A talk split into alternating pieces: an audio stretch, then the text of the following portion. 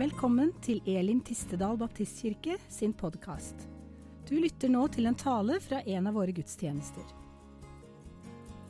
Jeg har vært på eh, baptistmøte i eh, en mørk amerikansk menighet i Atlanta, Iconum Baptist Church.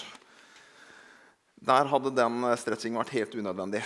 Fordi liksom, Det er en naturlig del av hele liturgien. for å si det sånn. Så egentlig det du var med på nå, det var litt, sånn, litt mer sånn i baptister er sånn på verdensbasis. da, For der er det rimelig liv å leve. Er så flott å se dere. Fint å være sammen med dere, konfirmanter og foreldre og menighet og ungdommer og alt. Det passer jo fint at de skal ha Bibelen eh, tema på, om åndens sverd på barnerommet i dag, for jeg skal også snakke om Bibelen i dag. Det skal jeg prøve å gjøre for dere. Og eh, så håper at, at dere også får noe ut av det. Um, um, jeg har lyst til å si litt Jeg skal ta deg med litt, litt, rundt både historien og verden i dag. og litt av hvert egentlig. Vi skal også være litt innom uh, uh, folk som har det vanskelig med å tro på Jesus. Fordi det er jo sånn at uh, dette med Bibelen er jo noe de fleste har, eller i hvert fall ganske vanlig i Norge. Um, når jeg begynte å tenke etter hvor mange bibler her hjemme, så er det ganske mange. Um, etter best, jeg har til og med bibler etter mormor og morfar. Og sånn. Og så er det bibler som jeg har hatt sjøl opp gjennom tiden. Og så er det sånn at jeg har en uh, iPad som jeg har uh, veldig mange bibler på, faktisk. Gjennom ulike apper. Så sånn er det. Men alle har det ikke sånn.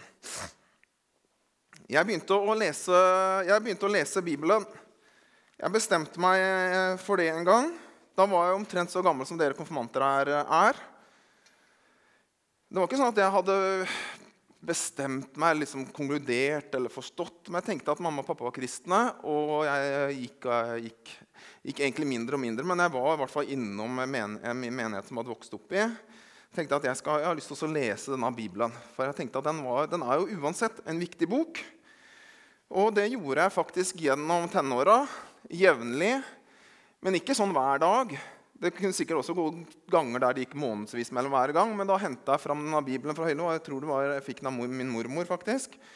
Eh, og, så, og, så, fortsatte jeg der jeg var kommet. Og det gikk ikke fort. Si at jeg var en 13-14 år når jeg begynte.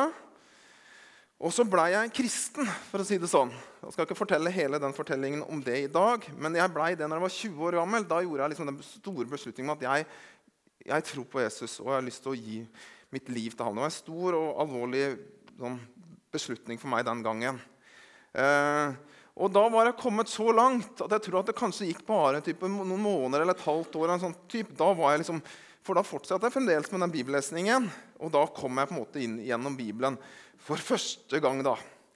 Eh, og så kan jeg forklare at eh, liksom når jeg ser tilbake på det, så tenker jeg faktisk først og fremst at eh, for mange sier liksom at det er veldig vanskelig og uforståelig. Og sånn. Og det er mange ting i Bibelen som er. Og det tenkte jeg også, at jeg kom til steder og, og Bibel, del av, deler av disse bibeltekstene og sånn, som var uforståelige og til og med tunge å lese og vanskelig, og jeg klarte ikke å forstå dem i det hele tatt. Men allikevel så var på en måte min, min hovedopplevelse å gjøre, lese den Bibelen jevnlig var at, det var, det var, at jeg syntes det var fint. Eh, for midt inni alle disse også vanskelige delene så kommer det jo fram veldig mange spennende historier. Og mange flotte enkeltvers som jeg kjente igjen fordi jeg hadde sett det på flanellograf på søndagsskolen eller, eller, eller, på andre ting. Så, så, så, så, det var ikke sånn at min, liksom, nei, det var bare helt tragisk å lese det før jeg ble en kristen. Men det jeg har lyst til å si, da, det er at det skjedde en altså Det skjedde en utrolig stor forandring for meg etter at jeg sjøl tok imot Jesus.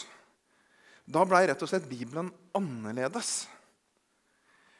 Og den beste måten som jeg kan forklare det på, det er å si at den boka blei til en levende bok.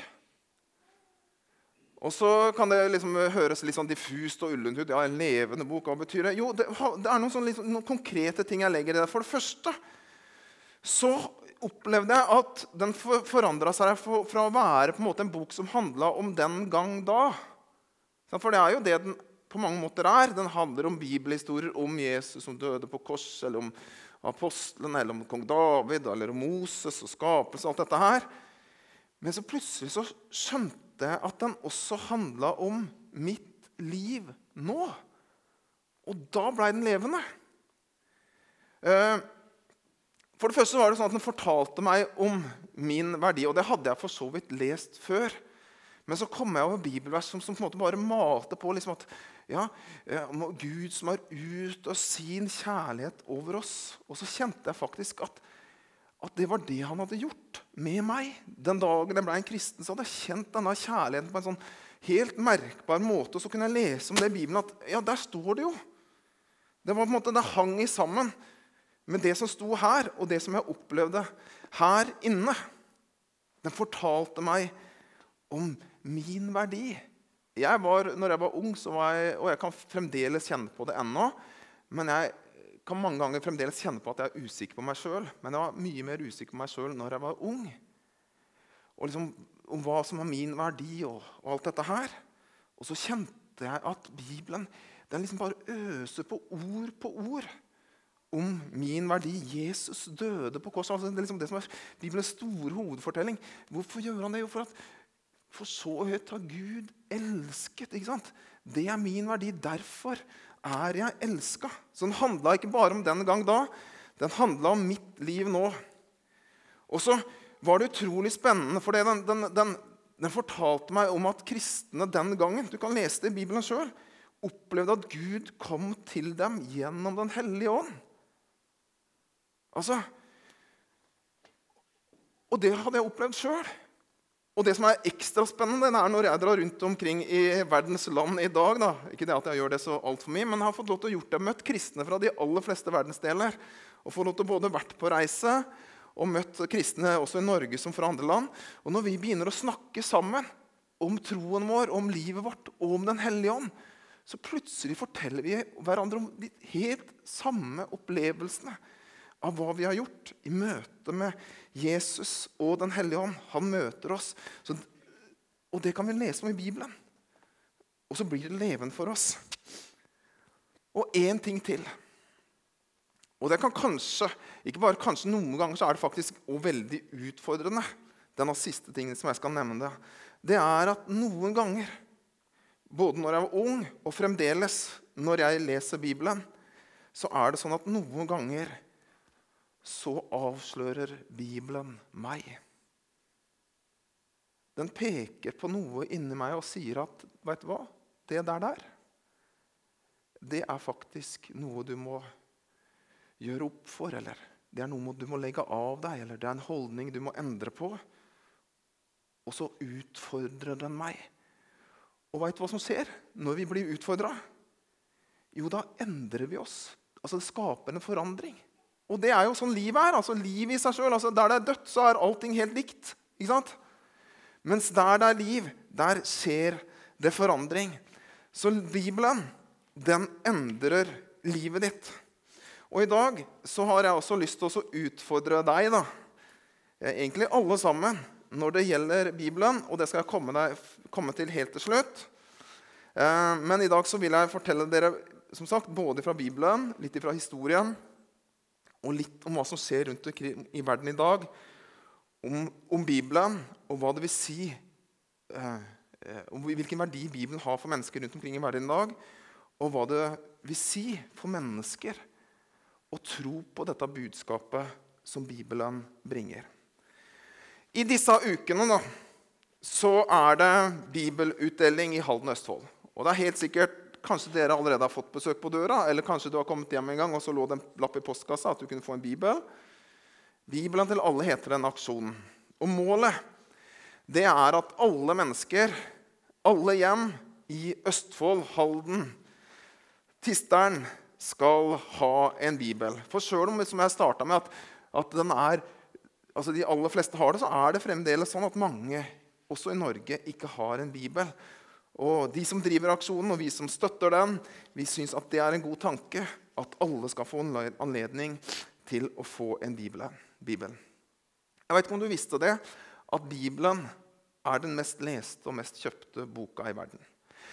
det er sånn at noen ganger, noen sånne enkeltuker, så er det andre bøker som går, går forbi på sånne toppselgerlister. F.eks. når, eh, når J.K. Rowling kommer med liksom disse siste bøkene i Harry Potter-serien.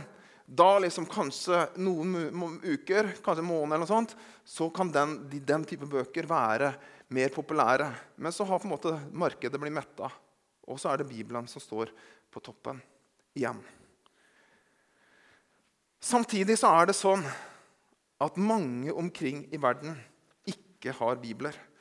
Og mange steder så er det sånn at den er forbudt. Og det, da begynner du liksom å tenke litt ja, hvorfor er, er, den så farlig, er den så skummel? Ja, For noen så er den faktisk farlig og skummel. Fordi at Bibelen vil endre ikke bare mennesker, men Bibelen vil endre samfunn hvis den kommer inn med sitt budskap og sin kraft. Jeg møtte en gang en mann som het Colomelo fra Nangalan i India. Han, jeg var på seminar med han, og så, så sa han at mitt folk sa han, de ble en gang kalt for hodejegere. Men så fikk vi høre evangeliet om Jesus, og så kom Bibelen og evangeliet til oss. Og nå er de fleste av dette folket som han var en del av, de er kristne. Nå kaller de oss ikke hodejegere lenger, sier han. Nå kaller de oss menneskefiskere. Så det er kraft i Bibelen som ikke bare endrer enkeltpersoner, men den kan endre hele samfunn. Og Vi kan ta litt lett på det i dag. Og, og, eh, Noen ganger kan du kanskje bli litt lei av å høre at vi kristne liksom maser om dette her. Men faktisk hele vårt samfunn og jeg skal si litt om det etter hvert også, altså, egentlig Hele Vesten sin vugge hviler i, i, på en måte bibelske verdier. Skal, du skal få med, få med, deg litt sånn historie etterpå. Så den, den preger oss. Til og med fremdeles i dag, der mange på en måte vender seg bort og mener at den ikke er så aktuell lenger. Men allikevel så ligger den som en stor basis for hvordan vi forstår veldig mange ting. F.eks. For forsoning og tilgivelse. Eh, på konfirmantleiren, som dere skal være med på i januar, som er konfirmanter, der skal dere være med på en lek som heter Yes! Woo! Bibelsmugling. Og det er, eh, høres jo veldig morsomt ut, og det er det på Vegårshei. Men det er en lek som vi har, men den har en alvorlig ramme. Den er plassert i en ramme. Av og til så gjør vi litt sånn på leir at vi gjør noe som er morsomt, men vi ønsker å si og, og mene noe med det. Fordi at bibelsmugling er noe som skjer og har skjedd i, i mange land gjennom lange tider. Det er noe kristne har gjort i mange år, nemlig å smugle bibler. Og hvis du går tilbake når det var akkurat i, i i Berlin og fikk lov til å høre litt om historien om øst og vest og om jernteppe og sånn. Hvis du går tilbake i historien, så, så, så var det sånn eh, at, at folk liksom smugla bibler gjennom, gjennom, biler og busser og på ulike måter inn bak jernteppet til steder der Bibelen var forbudt. Jeg har hørt historier om, om bibler som blir solgt på svartebørsen i enkelte land fordi det er så rift. Det er, det er liksom ikke alle som har Bare noen av Bibelen er forbudt. Og så går det liksom sånn I det skjulte så kan du få kjøpt meg, men du må være den som betaler mest. Eller så kommer det til å være noen andre som, som tar denne Bibelen foran deg. Som blir solgt på svartebørsene. Eller andre steder så har man kanskje kun tilgang til én bibel. Altså en hel landsby eller en hel by. Eller det finnes kun, kanskje noen, noen deler av det, kanskje bare noen ark. Og så lærer folk seg uten at det som står på disse arka, og så forteller de det til andre, og så, og så går liksom bibelfortellingen videre gjennom å, å huske ting utenat. Og så lever Bibelen videre på den måten. Det finnes et eksempel i en by som heter Ningbo i Kina. og Det er en fra Bibelselskapet som heter Hans Johan Sagrusten, som forteller om. Han var og besøkte denne, denne byen. Hvor det fortelles at det fantes én menighet i denne en relativt stor by. Hvor det fantes én bibel. Og så kom den store kulturrevolusjonen med, med, Mao, og så ble Bibelen forbudt. Og så ble til og med den Bibelen konfiskert og ble plassert inn på bibliotek. Og der ble den stående i ti år. Og så I 1976 så fikk menigheten tilbake denne ene Bibelen. og Da forteller de de som husker at da gråt de av glede at de igjen kunne lese Bibelen sammen. Og gjennom den ene Bibelen så vokste denne menigheten til en menighet på i dag over 4000 medlemmer. Det sier litt om hvilken kraft det finnes i Bibelen. Bibelen er en levende bok. og Hans Johan Sagerussen forteller også om at i Bibelselskapet i Egypt så finnes det ulike bokhandlere. Jeg tror han snakker om at det er mellom 16 og 17 stykker. At det er 16 at det bygges en til.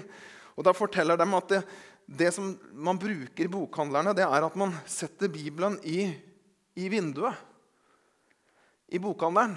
Og så har man den oppslått på én side. Og Dag etter dag så kommer det folk gående forbi, og så stiller de seg i vinduet og så leser de dagens ark. Og når neste dag kommer, så blar de over. Og neste dag så kommer, nye, kommer de igjen for å lese det som er dagens ark. Og de som er mest frimodige, de kommer inn i butikken og så sier de, kan dere være så snill å bla over til neste side.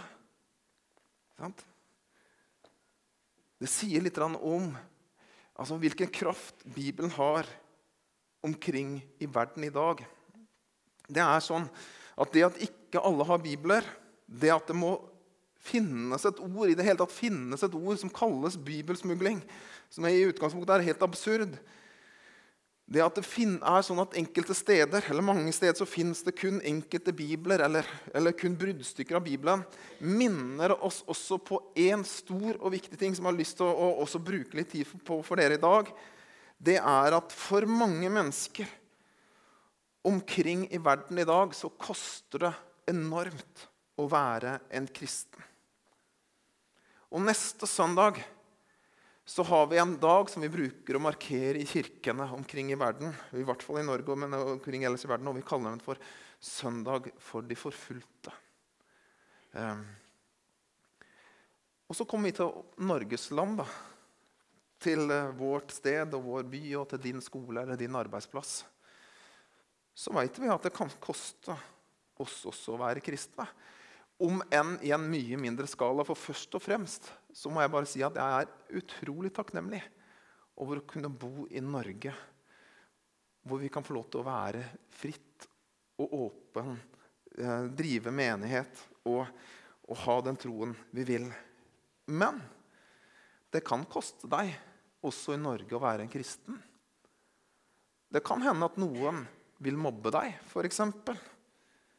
Eller at du kan bli utestengt av gjenger eller miljøer fordi at du, de tenker at du er annerledes.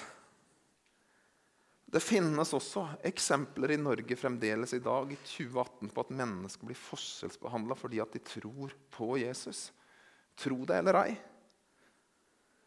Sjøl om jeg, jeg, tenker at i, i et perspektiv, verdens perspektiv så er det så, så skal vi først og fremst være takknemlige. Men noen kan oppleve det. Og det er i hvert fall sånn at som en kristen så vil du komme i situasjoner der du er sammen med andre, og så kjenner du at du kan ikke stå for det som skjer her nå. Du kan ikke være med på dette som sies gjøres som kristen. Det strider mot hva du tror på, og din samvittighet. Og så må du rett og slett være noen ganger den kjipe, annerledes personen som velger å stå for og mene og gjøre noe som er helt annerledes. Og det er ikke så lett alltid. Men jeg har opplevd nå skal jeg ikke si at jeg er super, verdens superest på det, men jeg har opplevd, særlig når jeg var yngre, når det var et behov for det, at når jeg gjorde det, så var det vanskelig kanskje de første gangene. Men etter hvert så blei det jo sånn at folk fikk respekt. Og til slutt så opplevde jeg for sjøl, gjerne spesielt i studietid, når jeg gikk på i høyskole og sånn, så kjente jeg at når festene var over og folk hadde ræla av seg det ene og det andre, og jeg kjørte folk hjem, så kom de til meg og snakka om det ene og det andre. Jeg skjønte at der var det et menneske som, som var litt annerledes. Og jeg har lyst til å oppmuntre deg til å være annerledes.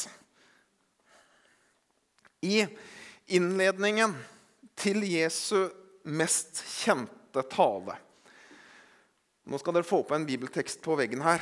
Den talen heter Bergprekenen. Og i starten av den så finnes det som blir kalt for med et fantastisk flott ord for saligprisningene. Og salig betyr liksom, liksom ultimat lykke. Det er liksom er liksom best, altså, Dyp lykke og glede betyr dette ordet salig. da. Og der sier Jesus sånn. Han tok til orde og lærte dem. Salige er de som er fattige i ånden, for himmelriket er deres. Salige er de som sørger, for de skal trøstes. Salige er de ydmyke, for de skal arve jorden. Salige er de som hungrer og tørster etter rettferdigheten, for de skal mettes.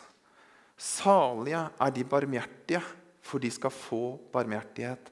Salige er de rene av hjerte, for de skal se Gud. Salige er de som skaper fred, for de skal kalles Guds barn. Salige er de som blir forfulgt for å få rettferdighets skyld, for himmelriket er deres. Ja, salige er dere når de for min skyld håner og forfølger dere, lyver og snakker ondt om dere på alle vis. Jeg kan ikke gå i dybden av hva disse versene inneholder. Men jeg syns at dette er en av de flotteste bibeltekstene jeg leser. Det er en fantastisk ord av Jesus.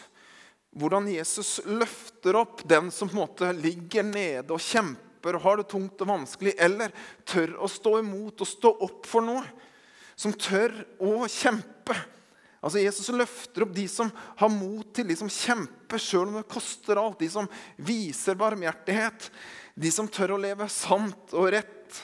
De som kjemper for fred og, og rettferdighet. De som kjemper for ham. Ja, til og med om det så betyr forfølgelse og lidelse. Og så sier Jesus, ja, salige, altså lykkelige, glade er dere når, når dere gjør dere. For gled dere, for, for den for stor er lønnen dere har i himmelen. Så Jesus løfter opp alle de. Om det er du som kjemper på skolen, eller om den i et annet land som risikerer livet for å tro på Jesus, så løfter Jesus disse personene opp og sier at du Det er noe større som du får lov til å ta en del av, som kanskje ikke du ser her ennå, men en dag så skal du få lov til å se at det du kjemper for, og det du tror på, og det du, det du står for, det er bare mye mer verdt enn alt verdens gull og glimmer. I apostlenes gjerninger Det er en bok som du finner i Det nye testamentet i Bibelen. Den handler om de første kristne. Det er liksom historiene etter Jesus har dødd, stått opp og, og blitt løfta opp til himmelen. Der møter du historien om den første martyren. Er det noen som kjenner igjen navnet på marty første martyren? Som veit hva det navnet er? Første martyr. Hør det hviskes her. Stefanus. Jeg skal ikke fortelle den fortellingen, men om du har tid, så har jeg lyst til å anbefale deg å lese fortellingen om Stefanus i kapittel 6 og 7 i Apostelens gjerninger. Fremdeles så er det sånn at mennesker lider og dør omkring i verden fordi, tror, fordi at de tror på Jesus. Og vi husker, helt sikkert de aller fleste av oss, bildene fra denne stranda i Libya for bare noen år tilbake, hvor 21 koptiske gutter ble drept på denne stranda av IS for sin tro, fordi at de var tro og trodde på Jesus Kristus. Historiene er mange. Bare seinest denne uka her så ble, ble, flere av oss som, som uh, er en del av uh, ulike foraer på, på, på, Facebook, oppfordra til å be for, særlig i dag, for kristne i Pakistan. Spesielt en, en kaste som på en måte er liksom helt lave, lavest på rangstigen. Eh, som, der de aller fleste har blitt kristne. Men de blir trakassert og forskjellsbehandla og forfulgt. Og vi ble oppfordra til å be for dem, for de opplever sjokkerende diskriminering av den hinduistiske majoritet. Altså, historiene er mange.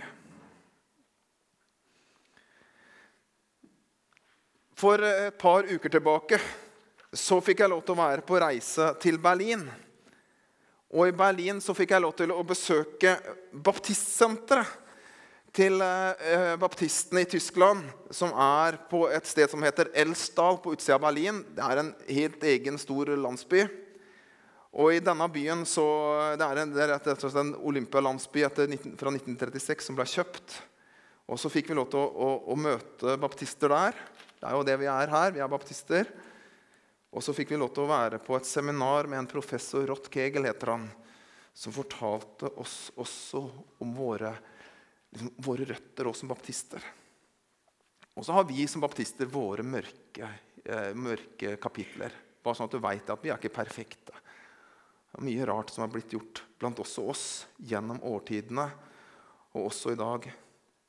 Men jeg blir utrolig stolt over å kjenne til og lære til liksom, hva som er våre, våre røtter. Liksom, hva, hva, liksom, hva, som en gang skapte denne bevegelsen, som i dag kalles for baptister, og som er en av verdens største kirkesamfunn. Jeg er helt sikker på at de fleste av dere har gjennom skolen lært om eh, det som kalles for reformasjonen. Om Luther om hans 95 teser som han banka opp på kirkedøra i Wittenberg i 1517. Og jeg fikk lov til, når jeg var i Berlin, så fikk jeg lov til å være der i Wittenberg. og Det var fantastisk å høre historien og lære om det. Men, men samtidig, i den samme tiden, det er det jeg har lyst til å si til dere i dag, da, så skjedde det en bevegelse rundt dette her som på en måte gikk enda lenger. Og det blir omtalt som anabaptister eller radikal reformasjon. Og det er sånn at faktisk For 500 år siden så kjempa de for ideer som liksom er helt allment og vi liksom ta for en selvfølge i dag. For den gangen så var det jo sånn at Hvis du var født og oppvokst i et land, så skulle du være katolikk. Og Så kom Luther og endra det enkelte steder. Men fremdeles så var det sånn at hvis du var, bodde i dette stedet, så skulle du være, skulle du være lutheraner. ikke sant? Og Hvis du liksom gikk utafor dette, så kunne du risikere altså du risikerte rett og slett å dø. Hvis du på en måte var noe annerledes enn det alle andre var. Og så kjempa faktisk den gangen anabaptister for at hvert enkelt menneske har sin egen frihet til å velge å tro på den måten som den vil. Og Så snakker vi av og til om menneskerettigheter og hvor røttene kommer ifra. Men her kommer du virkelig til de egentlige røttene, som noen ganger sjelden blir, altfor blir snakka om. Da. Og Det er jeg stolt av å få lov til å være en del av. Mange mennesker som den gangen måtte lide martyrdøden, altså de måtte dø, ble drept av andre kristne til og med. Fordi at de trodde at det var rett at hvert enkelt menneske kunne ta sin egen beslutning om å tro og la seg døpe å bli en kristen. Ikke fordi at man var en del av en familie eller et samfunn, men fordi at jeg som enkeltmenneske tror og ønsker å bli en kristen. Derfor jeg tar med denne historien da, i dag, særlig nå som vi har konfirmanter her, og sånt, for at du skal liksom bli litt kjent med vår tradisjon. Derfor er faktisk trosfrihet liksom Når vi begynner å snakke om liksom hva som skiller seg fra, eller hva som er sentralt for oss baptister, så er trosfrihet en av våre absolutte kjerneverdier. Ikke sant? Og det må vi kjempe og fortsatt for å beholde. Til og med så må vi tenke at vi skal kjempe for trosfrihet også for alle de som tror og tenker annerledes enn oss. Og I fjor vår så var jeg i USA på konferanse sammen med dattera mi Daline. Og jeg har bilder på Facebook, så dette her er helt sant. Vi fikk møte dattera til Martin Luther King. Altså, Du kan gi meg kjendis som helst. Det overgår ikke det. Vi fikk møte dattera til Martin Luther King, Bernice King. Og vi ble minna på av henne om den kampen som også denne baptistpastoren Martin Luther King kjempa for om, om, svartes rettigheter i USA. Det går i den samme tradisjonen som vi baptister står for. Menneskers rett til å bestemme over seg sjøl, over sin egen tro, til å ha de samme rettigheter. Og til å velge Jesus fritt, eller faktisk også retten til å velge ham bort. En dag så kosta det Jesus alt å redde oss. Det kosta han alt å redde oss fra fortapelse og til evig liv med ham. Og han kjempa seg gjennom livet, fram til døden på korset. Og så gir han oss alt dette her i gave. Frelsen, rettferdigheten, livet med ham nå og en evighet sammen med Jesus Kristus. Og så kaller han oss samtidig, i det han gir oss dette her, til å kjempe. Jeg tror liksom at En del av det kristne kallet, altså hoveden, det er å være med og kjempe. Til å kjempe for at alle skal få høre om ham. Derfor arrangerer vi f.eks. Bibelen til alle. Derfor har vi barn- og ungdomsaktivitetene som Sara så fantastisk flott fortalte om her i dag. Derfor er det så viktig at det smugles bibler, drives kirker, for at alle skal høre. Og så kaller han oss til å kjempe for at mennesker skal møte barmhjertighet.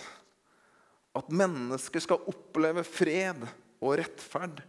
Han kjemper for at alle mennesker, han utfordrer oss til å kjempe for at alle mennesker skal ha denne friheten til å tro.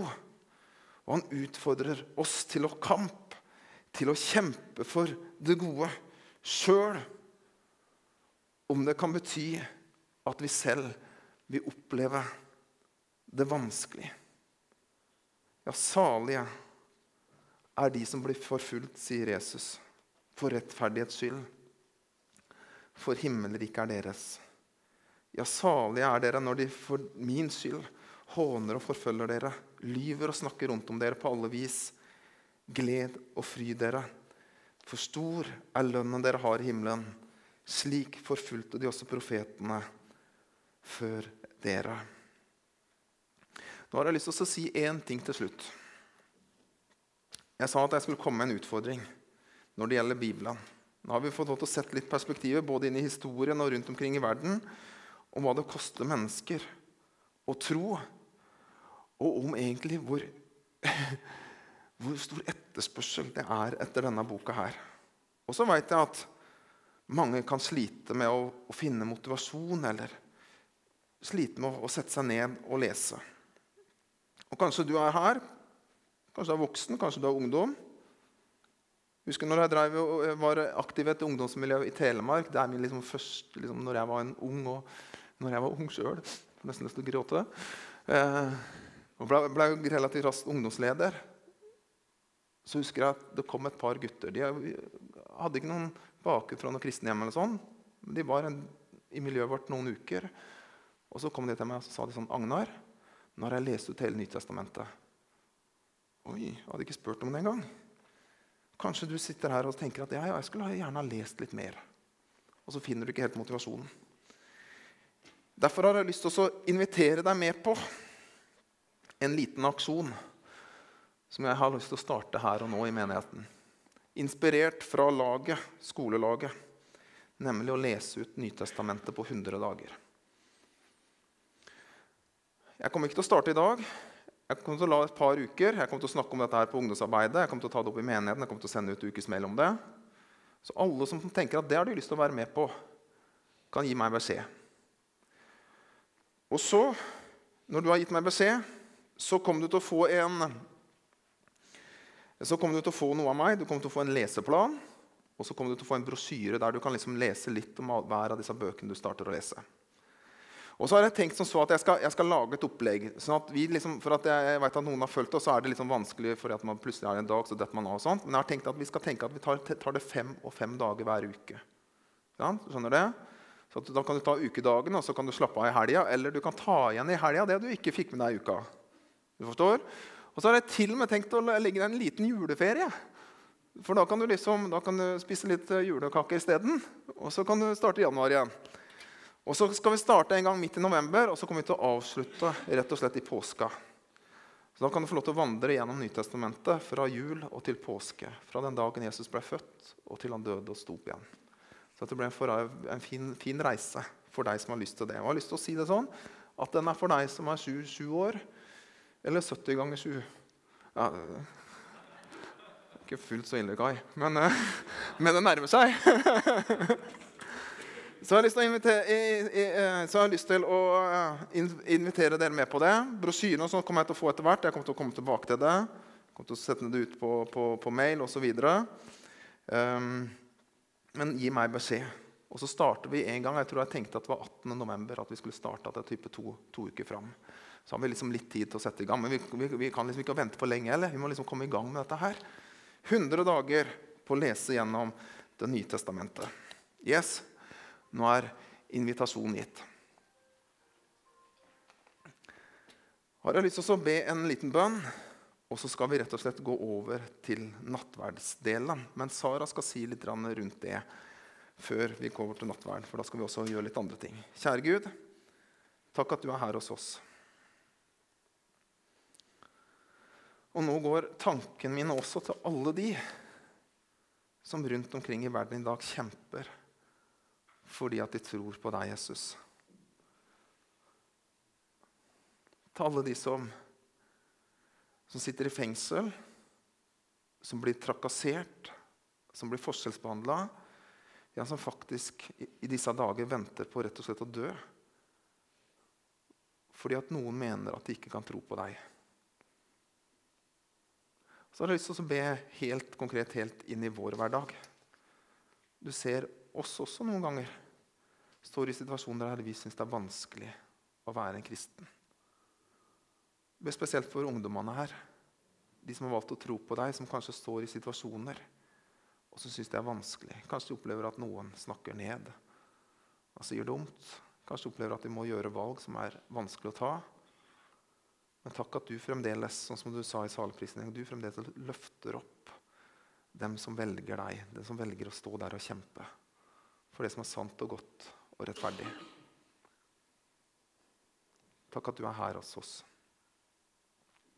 Amen.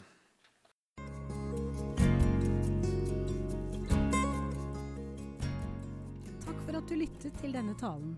Håper du ble inspirert. Ønsker du å vite mer om hvem vi er og hva vi gjør?